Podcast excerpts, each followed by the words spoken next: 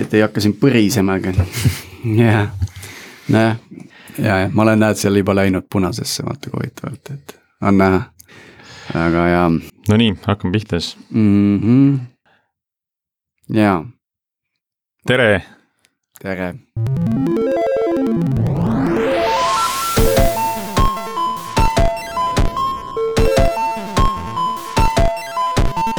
tere jälle, kuulad Algorütmi kolmandat episoodi.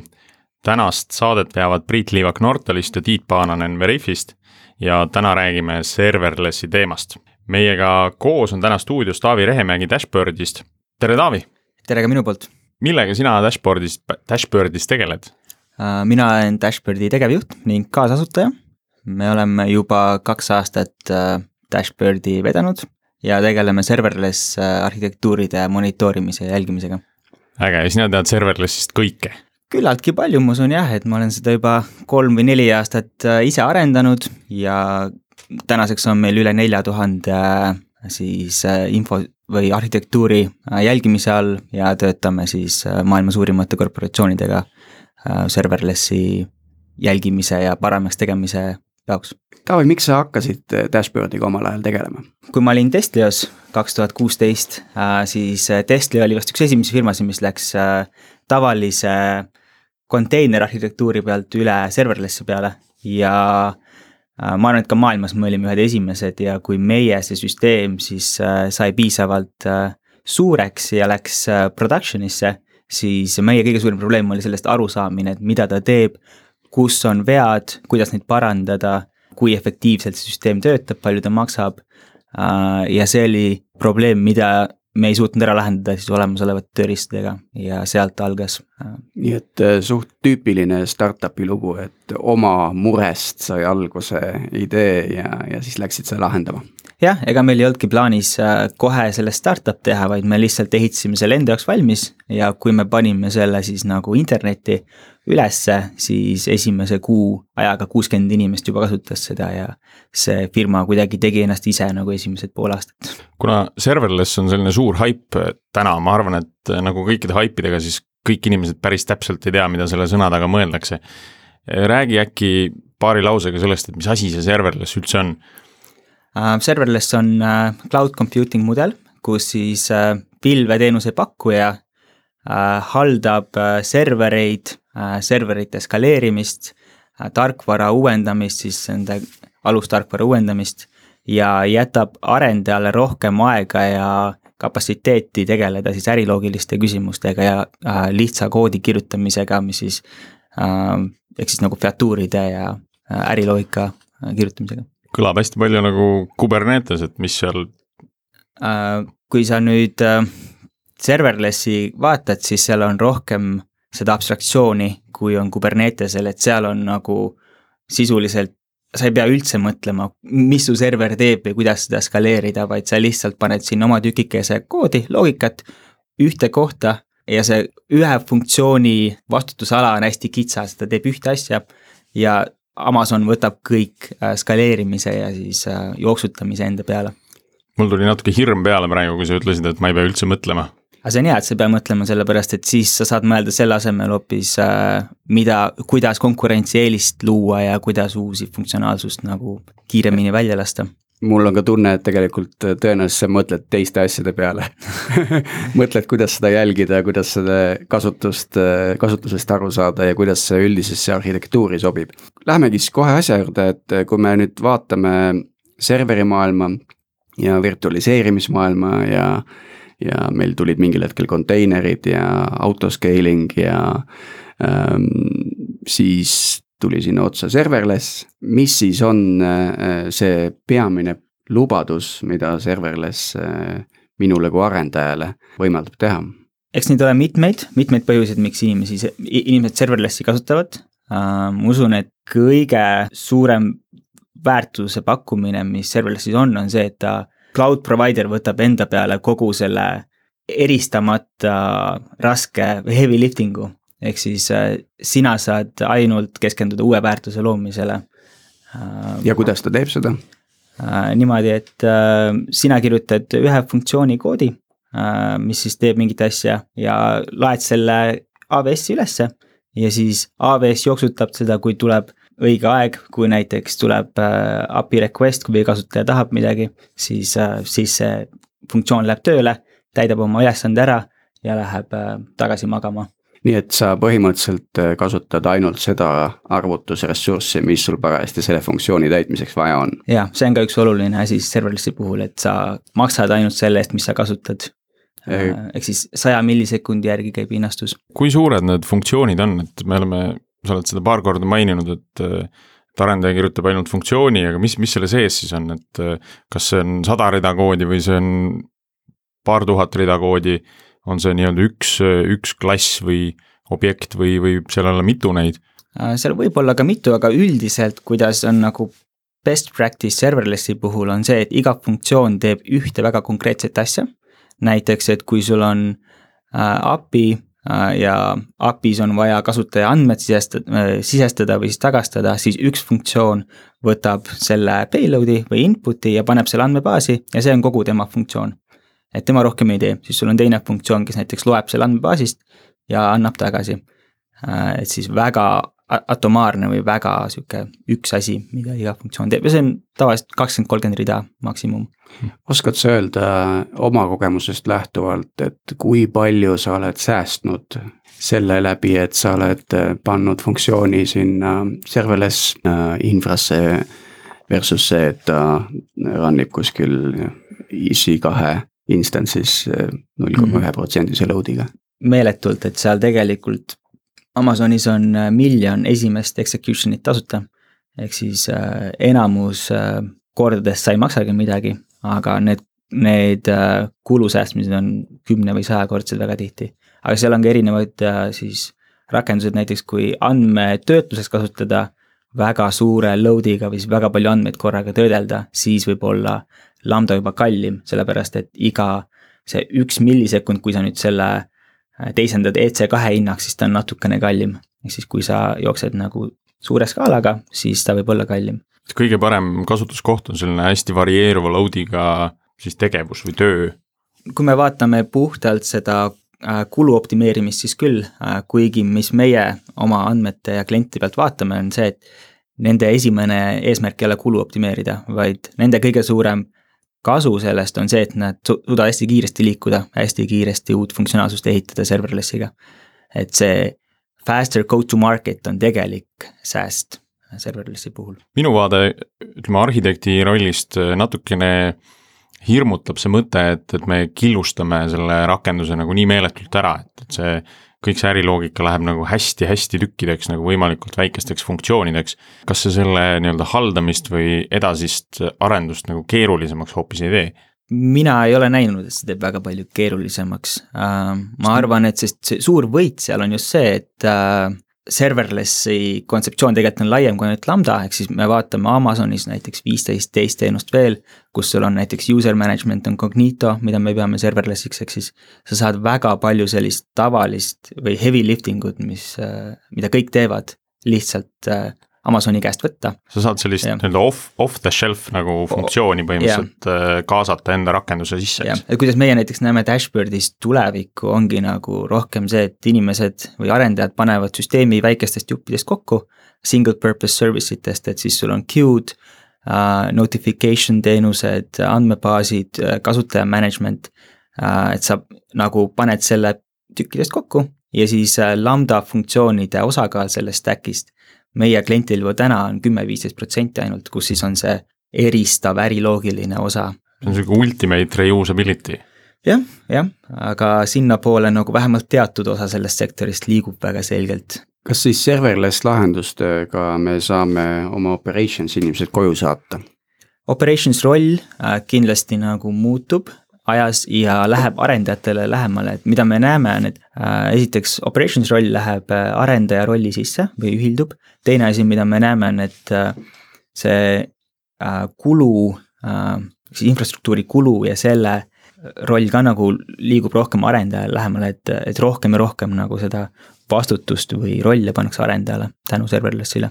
Üks asi, mis äh, ka seda veidi uurides, saateks valmistudes äh, sai minul selgeks, on see, et, et kui sa kasutad serverless lahendust, siis tegelikult äh, niipea kui sa oma koodi kiirendad, siis see transleerub sajaprotsendiliselt äh, äh, säästetud rahaks sest ütleme, kui sa tavalises server või konteineris oma koodi kiiremini tööle paned, siis sa endiselt maksad selle eest, et ta seal töötaks, eks ju.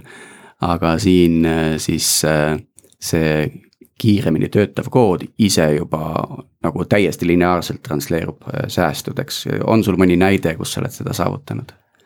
jaa, neid näiteid on tegelikult väga palju, et üks osa, mida Dashboardi platvorm ka nagu pakub, on siis nende kohtade, kus saab optimeerida väljatoomine ja kliendile nagu arusaadavamaks tegemine, et see on väga, väga tavaline ka asi, mida teha, kui sa serverlessi peale arendad.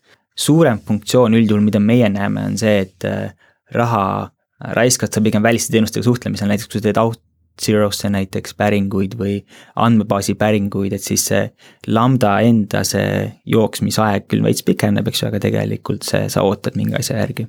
okei okay aga vaataks sinna negatiivse poole peale ka, et äh, see on tihti huvitavam. Et mis on sellised äh, nagu ohukohad või miinused, mis sa oskad nagu serverlessi arhitektuuri kasutades nagu välja tuua? eks seal need äh, miinused ajas vähenevad ka, et kui me alustasime kaks tuhat kuusteist, siis neid oli oluliselt rohkem. esimene sihuke suurem blokker meie jaoks oli latency või siis kiirus. üks asi, mis serverlessi ehitades, serverlessiga ehitades juhtub, on see, et kuna su loogika on hästi väikesteks tükkideks jaotatud, siis et ühte kasutaja siis päringut äh, teenindada, pead sa võib-olla suhtlema kümne funktsiooniga, et äh, tuleb üks funktsioon, siis kutsub teise, kutsub kolmanda, läheb andmebaasi vastu, ootab andmebaasi järel äh,, läheb mingisuguse API või kolmanda teenuse pihta, et siis kuna see oli nii decoupled, siis latency oli suur probleem.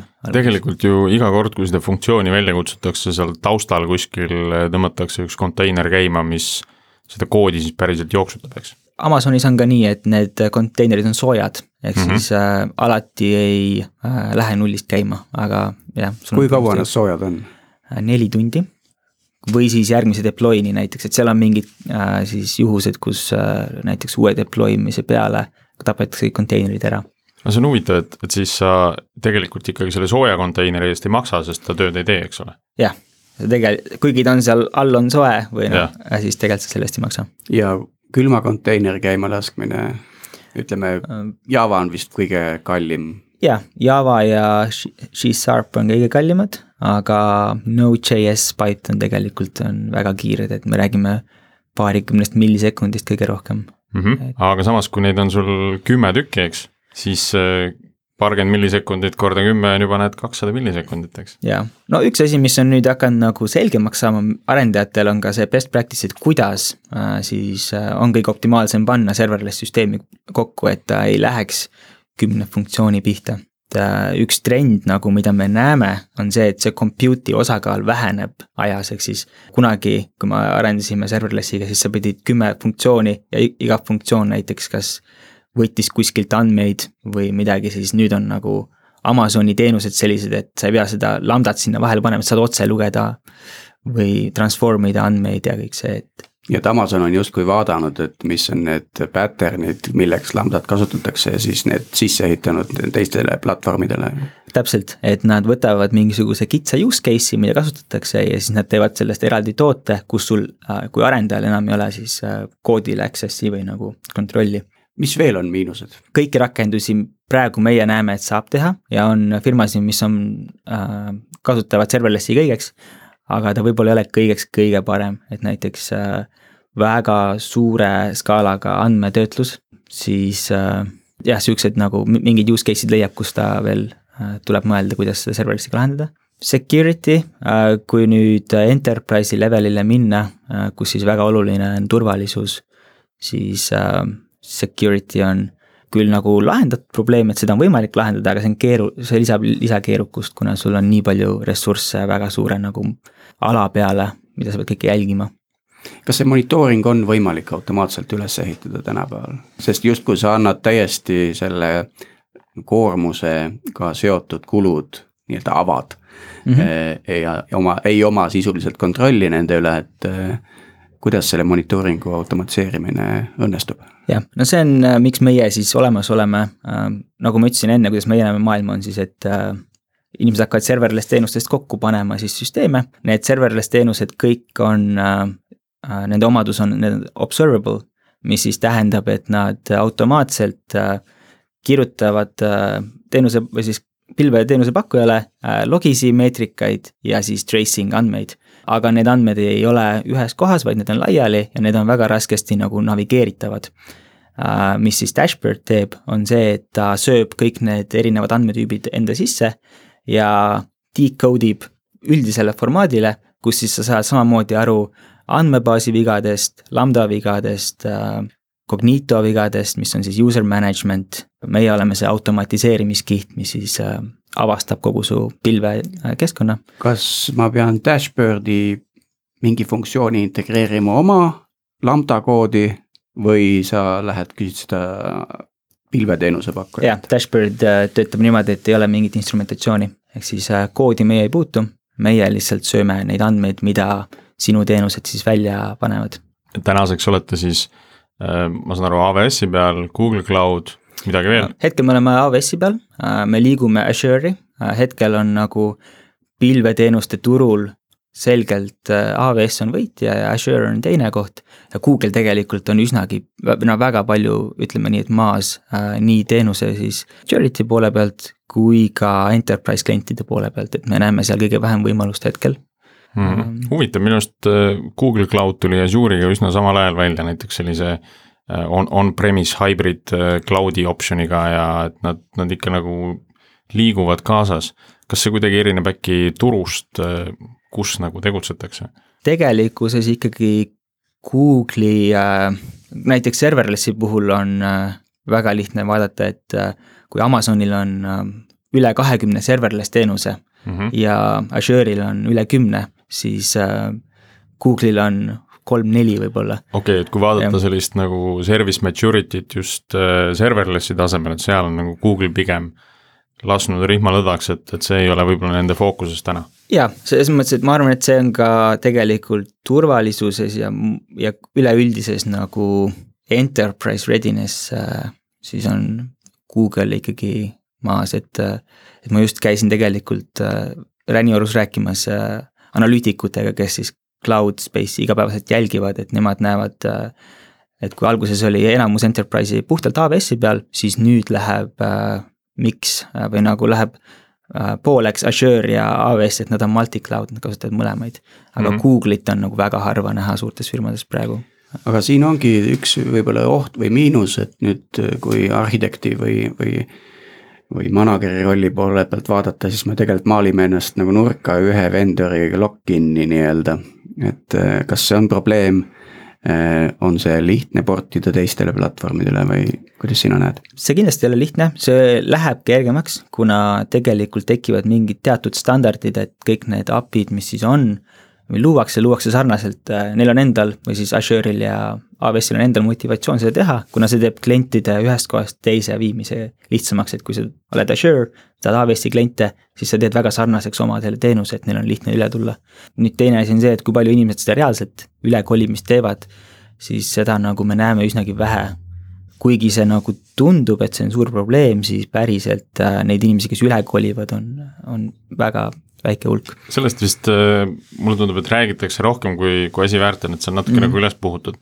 sest ka mina tean tõesti, tõesti suuri kliente, äh, kes toetavad just multi-cloud'i peamiselt selle tõttu, et nende kliendid on võtnud hästi radikaalse seisukoha ühe või teise pilveprovider'i po- äh,, suunas. et jah, me võime teie teenuseid kasutada, aga siis te peate kogu oma platvormi kolima näiteks Google Cloud'i peale. ja siis, kuna, kuna see lõppklient on piisavalt suur, et siis nagu võetakse see investeering ette.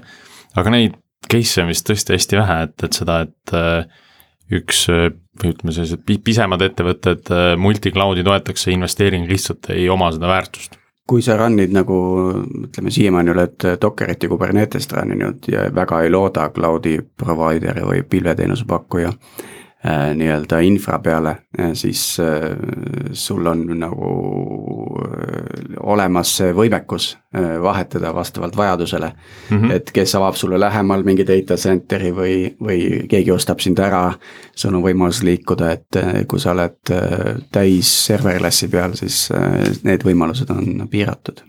või on just äkki vähem piiratud, mulle näiteks, kui, kui tulla nagu automatiseerimise teema peale, et see on nagu minu jaoks just see põhiline aspekt, mis tihti nagu cloud provider'i külge nagu selle lock-in'i teeb. et me ehitame enda automatiseerimise mingisuguste API-de ümber, mis on selle cloud provider'i specific. ja tegelikult väga tihti tuleb seda ette, et, et me ei saa kasutada mingit off-the-shelf toodet, vaid tulebki nagu väga hand-built mingisugune custom äh, skript kirjutada siia või sinna ja, ja kui need skript aja jooksul koguneb, siis ühel hetkel sa avastad, et äh, oot, et mul on kaks kuud vaja, et need kõik kirjutada selle teise cloud provider'i jaoks ümber, eks ole. Kuidas äh, serverless maailmas automatiseerimist tehakse, mis asi, mida seal automatiseerida annab ja noh, tõenäoliselt kõike annab, kui lihtne see on, kas see on lihtsam kui lihtsalt äh, EC2 kasutades? mina ütleks, et see on lihtsam, ajalooliselt, kus serverless algas, oli niimoodi, et Amazon või siis AWS launch'is Lambda aga Amazon ei näinud seda ette, et kuidas hakatakse seda suurt hulka funktsioone siis manageerima äh, cloud'is ja siis tuli serverless framework. äh,, mis on siis äh, vabavara tööriist, open sourced äh,, kus siis sa saad kirjutada funktsioone ja panna need omavahel suhtlema äh,, et siis kus ja, ja see oli tegelikult see, mis selle serverless'i adoption'i nagu käima lõi. See oli siis äh, Amazoni enda see serverless framework? ei olnud, see, see, see, see oli väljaspoolt ja täna on see selline, et äh, sa kirjutad sinna definitsioonid ja sa ise valid, et kas sa paned Amazoni või sa paned Azure'i või paned Google'isse ja see on ju, sa lihtsalt vahetad selle ära selle, et kuhu sa deploy'd. ja kõik see on nagu standardiseeritud, et, äh, et ta oskab siis ükskõik kuhu selle deploy da. see on natuke sarnane edulugu Dockeriga, et nemad panid oma platvormi välja ja siis kõik case'id hakkasid äh, tooling ut ümber sinna ehitama see kasvas lihtsalt üle pea, eks, et mm -hmm. serverlessiga on võib-olla pisut sarnane lugu räägiks veel turvalisusest, et äh, selgelt, kui sul on kood otse jookseb äh, pilveteenuse pakkuja konteineris, mis väidetavalt on siis batch itud, upgrade itud, mida iganes. Äh, aga sa selgelt sõltud nagu kogu sellest kihist, mis enne käima pannakse, kui sinu koodini jõutakse. et see tundub nagu, et see suurendab seda nii-öelda inglise keeles attack surface'it teatud mõttes. nii palju, kui ma olen te-, aru saanud, on tehtud selle kohta ka uuringuid, et, et siin üks Iisraeli ettevõte viis läbi eelmisel aastal, et üks viiest nii-öelda teenusest äh, sisaldas väga suuri nagu koodis juba nagu turvaprobleeme, eks ju ma ei oskagi isegi hinnata, kui suur see probleem päriselt on, aga seal on nagu teatud aspektid, mis, äh, mis, mida peaks küll jälgima ja et, et täpselt see kuna sul on nii palju funktsioone, siis sul on nii palju kohti, kus sind saab ära kasutada. nüüd tänapäeval on äh, tehtud juba sellised asjad, et kogu see package management ehk siis need library'd, mis sul funktsioonides on, on natukene automatiseeritud, ehk siis äh, äh, layers, lambda layers on selle nimi, kus siis saad äh, manuaal, automaatselt uuendada äh, ja kus siis äh, seda riski nagu natukene vähendada, aga võib-olla suurem probleem on see, et äh, sul igal funktsioonil on õigused, mida ta võib teha sinu pilvekeskkonnas. ja inimesed väga tihti annavad neile väga nagu oma funktsioonidele kõik õigused. iga funktsioon teeb ühte väikest asja, sa saad ise panna kokku neid asju, mis sa tahad, et sinna süsteemi tehakse, kui sa tead neid, kuidas funktsiooni siis käivitada ja seal on teatud asjad, mille peale mõelda küll et see inimrisk on ikka alati kõige suurem risk, eks ole? jaa, inimrisk on kõige suurem. ma olen aru saanud ka, et äh, seal on see mure, et äh, noh, ütleme, et kui ma olen ettevõte, mul on, ma olen ise SaaS ettevõte, äh, siis kui ma tahan tõesti kliendi andmeid üksteisest eraldada, siis noh, ma võib-olla teen seda andmebaaside eraldamise kaudu näiteks, mis on nagu täiesti foolproof põhimõtteliselt, aga siin meil on nagu oht nagu kliendi sessioone nagu üksteise vastu nii-öelda välja mängida, ühesõnaga. et äh, võib tekkida oht, kus üks klient näeb nagu teiste, teisi andmeid, kas selliseid äh, näiteid on sul? ei, ei siukseid näiteid, kindlasti see on kuidagi võimalik, aga kui õigeid praktikaid jälgida, siis mm. täna ei, ei ole nagu see probleem.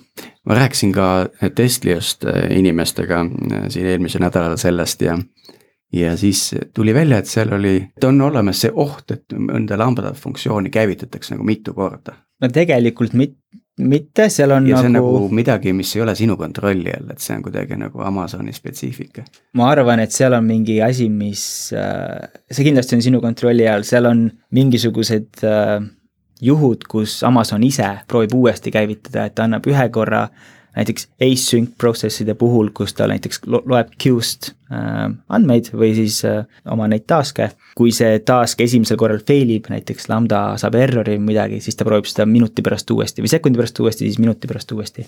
et seal tuleks aru saada, et miks ta nagu fail ib, et ta tegelikkuses ikkagi Amazon kaks korda sama asja ei saada, kui kõik on korras okei okay,, ma teeks äh, jälle väikese teemavahetuse, äh, ma hüppaks korra sellise nagu arhitektuuri poole, see on kuidagi minule nii hingelähedane üks mudel, kuidas mina olen näinud, et serverlessi päris tihti kasutatakse, on, on selline, et sul on olemasolev vahet ei ole, kas monoliit või mikroteenustel põhinev lahendus ja siis sa pookid sinna külge mingisuguse komplekti serverless äh, funktsioone.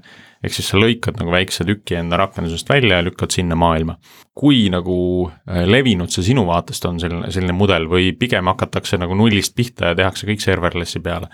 see on väga levinud, äh, eriti suurtes ettevõtetes, kus siis ei ole mõeldav kõike korraga üle kolida serverlessi peale, siis hakatakse nagu väikseid uusi asju, mida arendatakse, tegema serverlessi peale ja siis ajapikku vahetatakse võib-olla noh, suurem osa stack'ist siis serverlessi vastu. Ähm, aga nüüd, kui me vaatame uusi ettevõtteid ja startup'e ja kes on siis alustanud siin peale kaks tuhat viisteist, siis on väga palju, kes on puhtalt serverlessi peal ja teine segment, kes on puhtalt serverlessi peal tihti on, kes siis tulevad on-premise või siis oma serveri pargi juurest äh, ja lähevad cloud'i, siis on ka, äh, vahel on full serverless. et nad hüppavad siis nagu generatsiooni üle? jah, et kui sa lähed cloud'i, siis sa lähed sinna täiesti cloud native nagu poole kohe.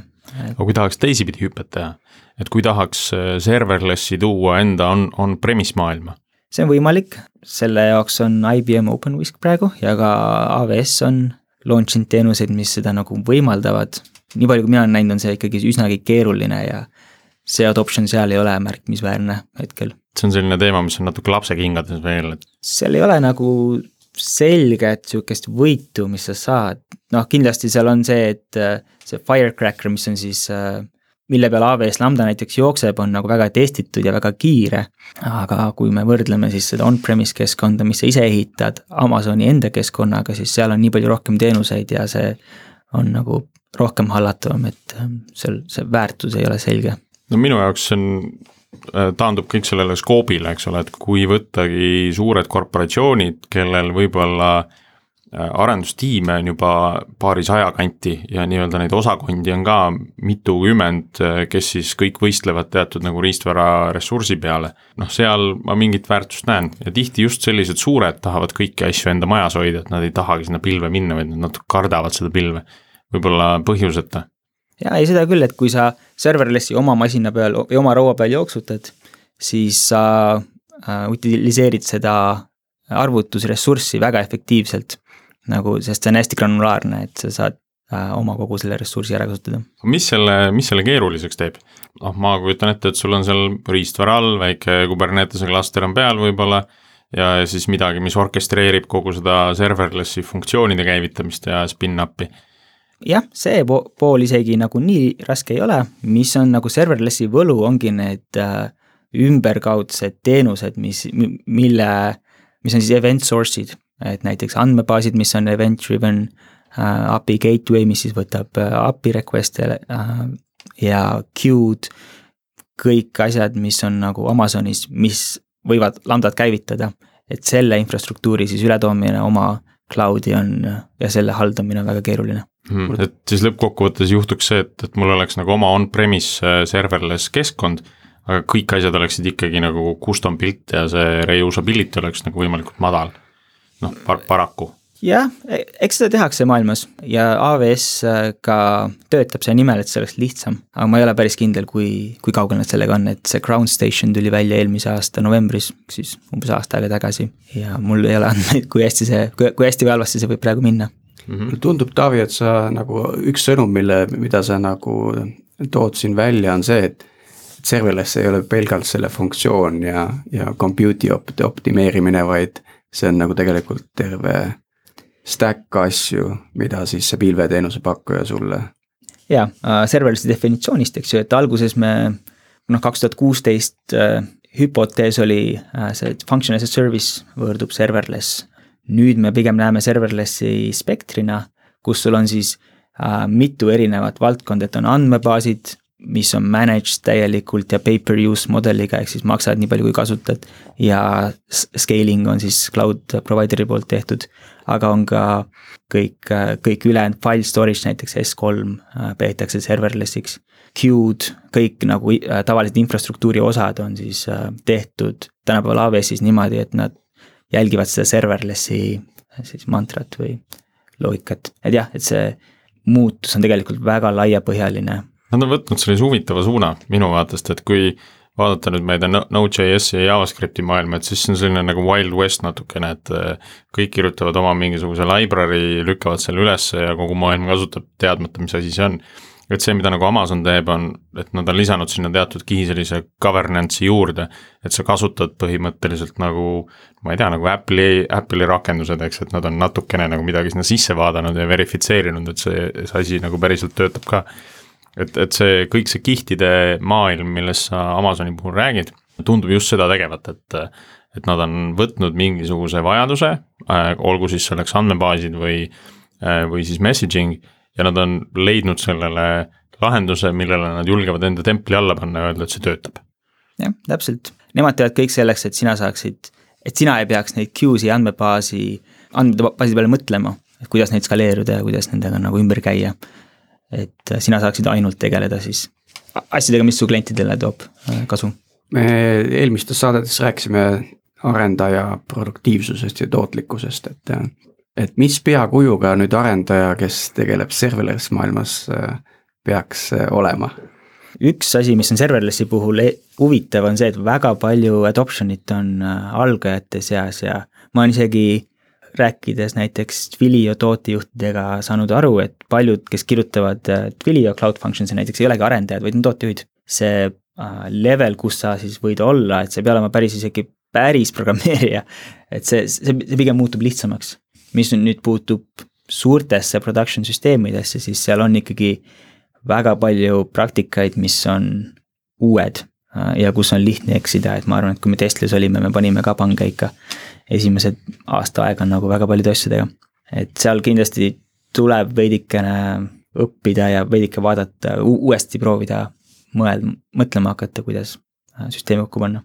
et see entry level on, on hästi madal, aga samal ajal, kui äh, AWS-i see teenuste portfell on hästi lai, noh, hea oleks neid teada, eks ole, enne kui, äh, enne kui sinna maailma süveneda.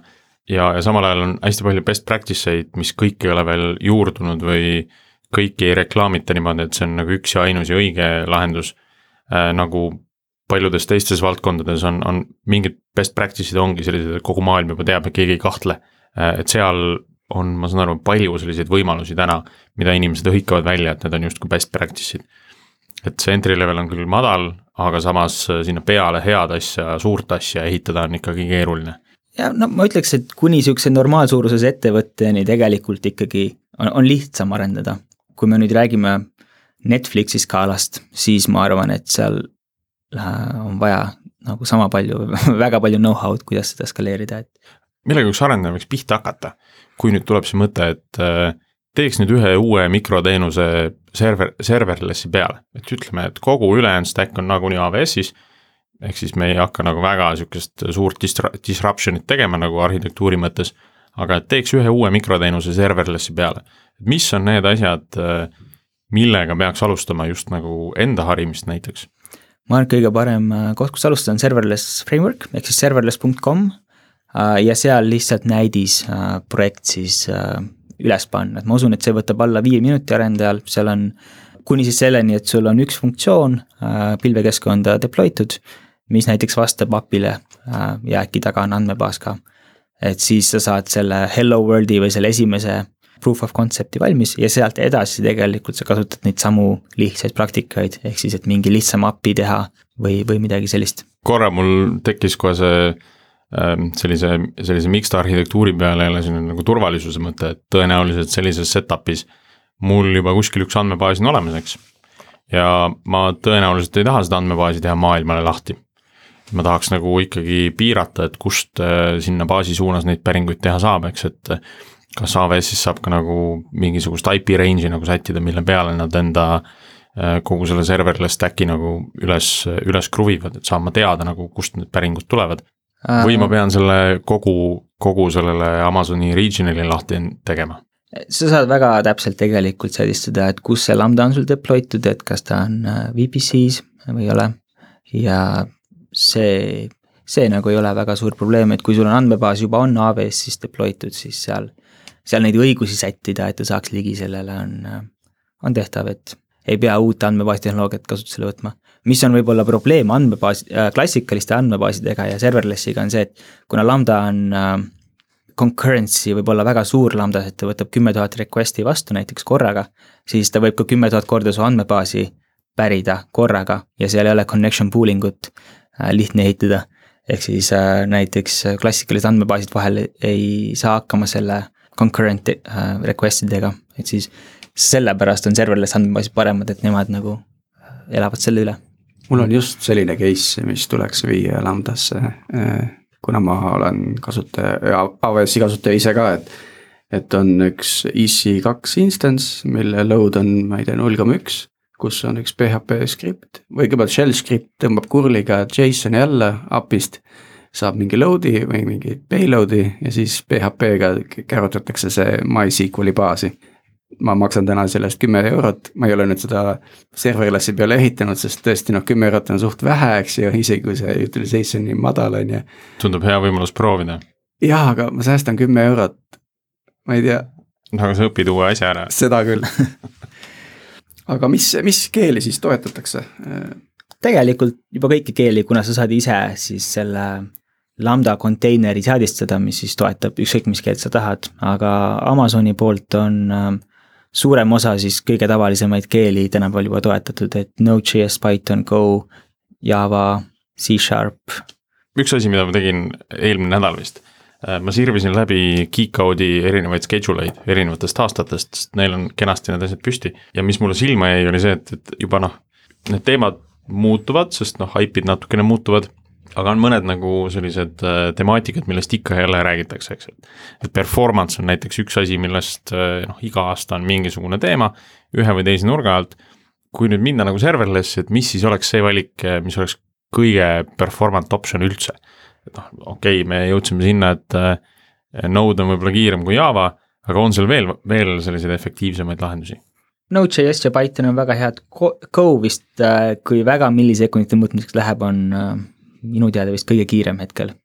või C-Sharp, kui välja arvestada see cold start, aga siis nagu peale cold start'i request'ide kiirus on siis kompileeritud keeltel grammi võrra kiirem nüüd natukene räägitakse juba selle PERFi mõttes ka sellest, et et need konteinerid, et ehitada konteinereid, mis on põhimõtteliselt nagu nullkonteinerid, kus ei olegi nagu mingit stack'i sees, et ta kasutab ära maksimaalselt kogu seda infrat, mille peal ta jookseb, eks ole, et et sinna ei olegi nagu, see konteiner ise ei loo ka mingit virtualiseerimise kihti.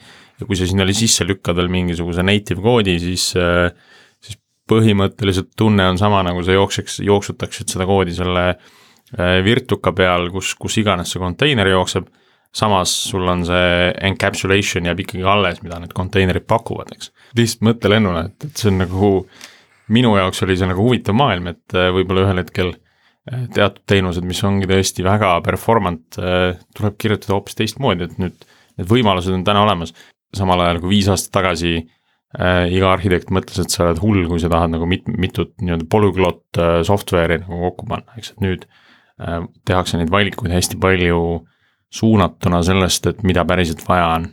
et kas oluline on performance või arenduskiirus. ma veel tahtsin küsida selle kohta, mis puudutab keeli, et kuidas seal nagu need library'd ja, ja native Linux executable'ide kasutamine välja näeb, et ma saan aru, et see on ka nagu avardab natuke seda võimekust.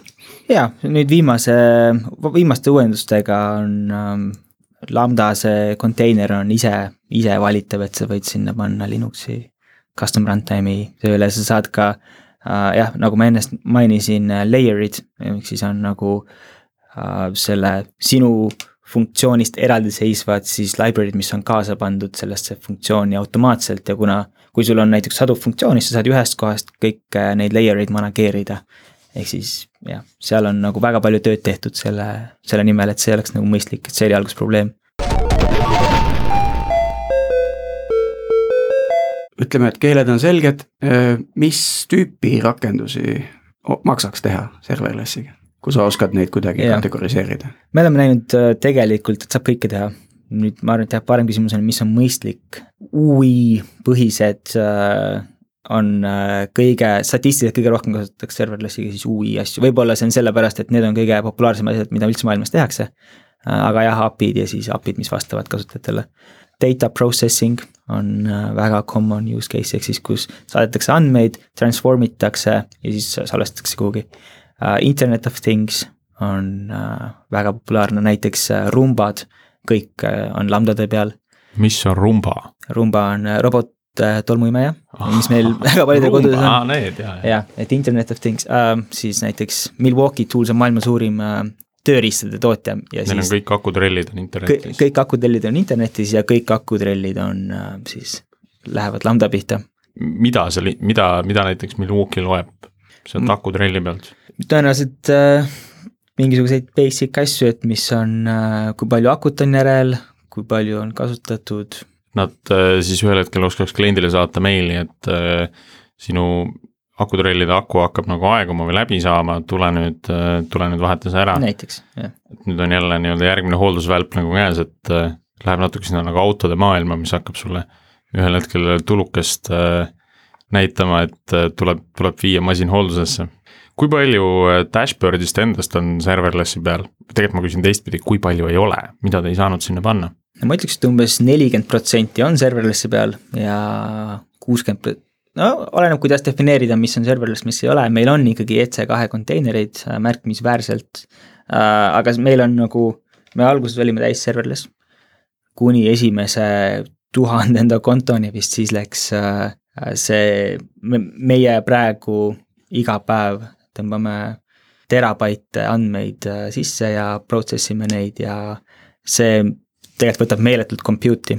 ehk siis äh, hinnakaalutlustel meie nagu läksime EC2 e peale tagasi äh, teatud asjade jaoks, aga meil on väga palju nagu infrat, mis siis äh, analüüsib näiteks äh, meetrikaid ja andmeid, on serverlessi peal, aga see core data processing unit on, on EC2 peal kui raske see liikumine oli? see oli väga, väga lihtne tegelikult, sest me kuidagi lambda pealt nagu tagasi EC2 peale liikumine ei ole teab mis raske, sellepärast et sul see loogika on ikkagi olemas, sa lihtsalt paned teistmoodi kokku mm. -hmm. sa pead nagu ühe konteineri sinna ümber lei-, leiutama, kus sees seda jooksutada ja, ja tuld on ju äh, oskad sa äkki soovitada meie kuulajale ka nagu kohad, kust nagu pihta hakata, sa mainisid juba serverless.com'i.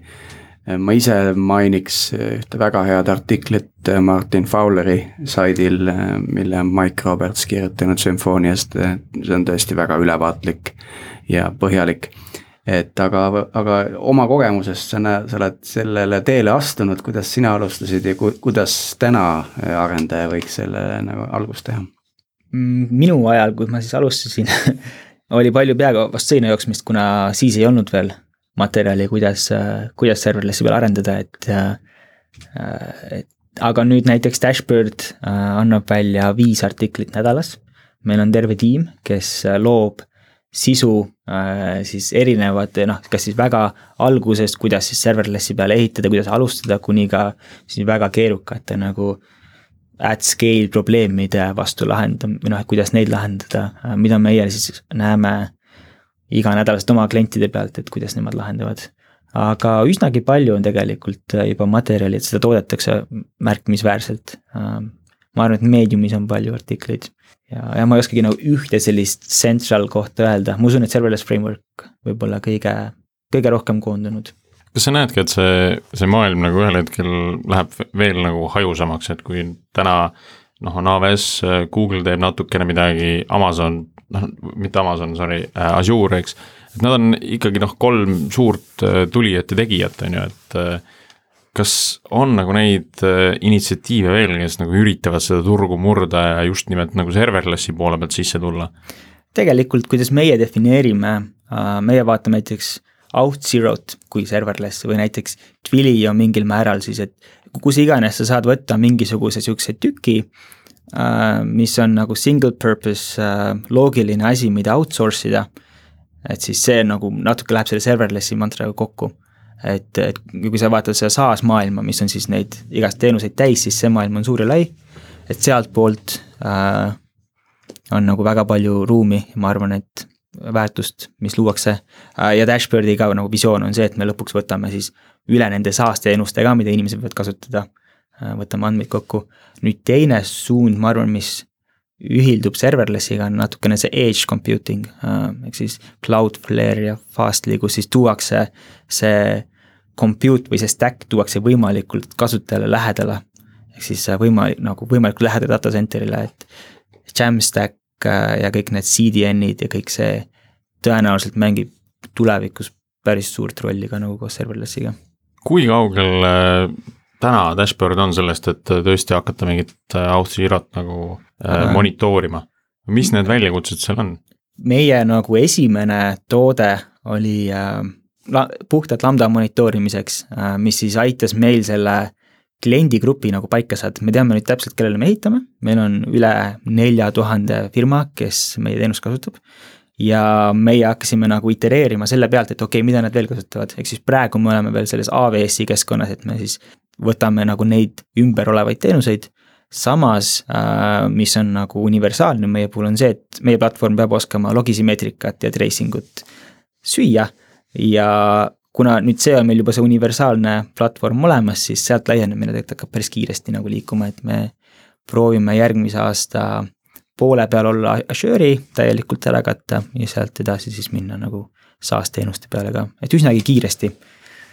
ja me, meie lõppeesmärk on ka teha hästi lihtsaks, ehk siis ükskõik mis äh, serverless või SaaS teenust mina arendan, ma saan selle siis dashboard'i saata. see on selline plug and play põhimõtteliselt? sisuliselt küll jah, sihuke central koht, kus sa näed kogu oma nende managed teenuste või serverless teenuste tegevust. Taavi, oskad sa öelda, mis või kus toimub järgmine serverlessi nagu nii-öelda suur üritus, kuhu tasuks minna vaatama, uurima? Serverless konverentsid on tegelikult, äh, mida iga kuu korraldatakse igal pool Euroopas ja Ameerikas Äh, mis on huvitavad sellepärast, et kui sa lähed nüüd Amazoni event idele, siis seal on rohkem sellist äh, alg, nagu algtõdesi ja kuidas alustada, siis serverlessconf.com on koht, kus räägivad väga juba production'is firmad, kuidas, mis on nende kogemus ja kuidas nemad probleeme lahendavad, et ma arvan, et see on väga huvitav, väga huvitavad kohad, kus käia. kui kindel serverless on? nagu tehnoloogilise suunana, kui ma selle kasutusele võtan, äkki see kaob ära kahe aasta pärast, mis siis saab, tuleb mingisugune järgmine movement, eks? ma arvan, et see on päris, päris kindel, sellepärast et äh, see allolev väärtus, mida see, mis seda nagu drive ib või see, mille pärast inimesed serverlessi peal liiguvad, on nagu väga, väga tugev. et see, et ma saan hästi kiiresti, siis go to market kiirus on hästi kiire samas mulle tundub, et on täna ikkagi natuke selline niši, nišisektor. ta on nišisektor, aga see kindlasti ära ei kao, minu arvates vähemalt, kuna seal on jah, et sa saad hästi kiiresti arendada, sul on odavam ja ta skaleerub paremini. see natukene läheb aega enne, noh no näiteks konteinerid läksid ka ikkagi kolm-neli aastat enne, kui hakkas päriselt kuhugi jõudma. kus ta sellel Gartneri hype kurvil ta mm, praegu asetseb? see on hea küsimus ma arvan, et äh, esimene see piik on ära käinud ja.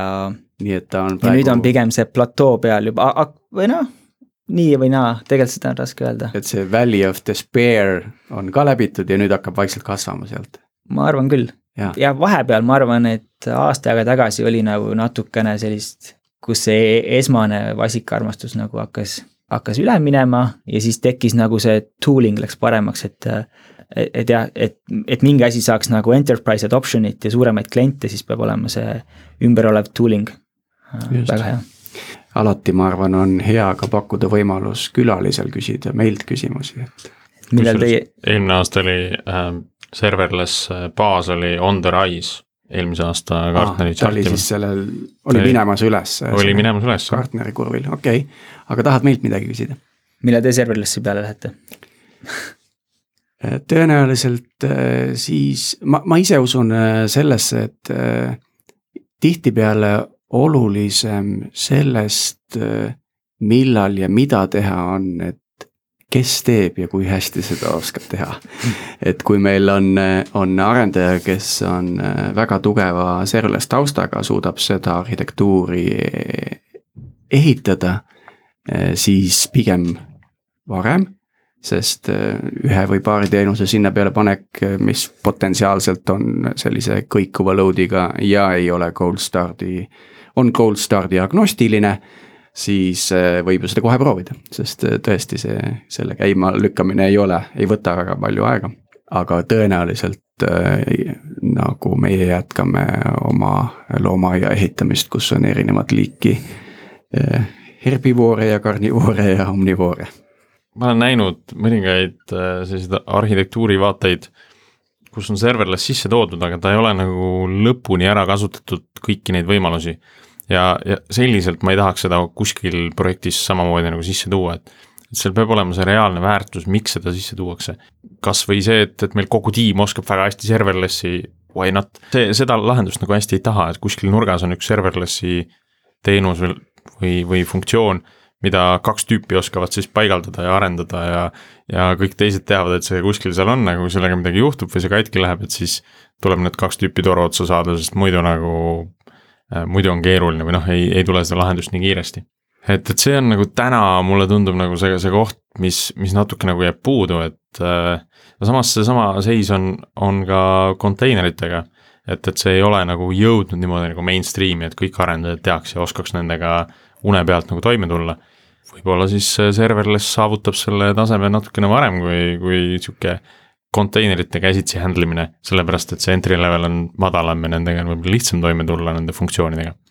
ja, ja ma arvan ka, et põhiline faktor ongi seal see, et kui palju inimesi seda lõpuks oskab ja kui kiiresti, et ma arvan, et siis tekib see suurem inflection point, kus hakatakse nagu igal pool kasutama või äh, näiteks San Francisco on huvitav koht selles mõttes, et seal võetakse kõige viimane tehnoloogia alati kasutusele.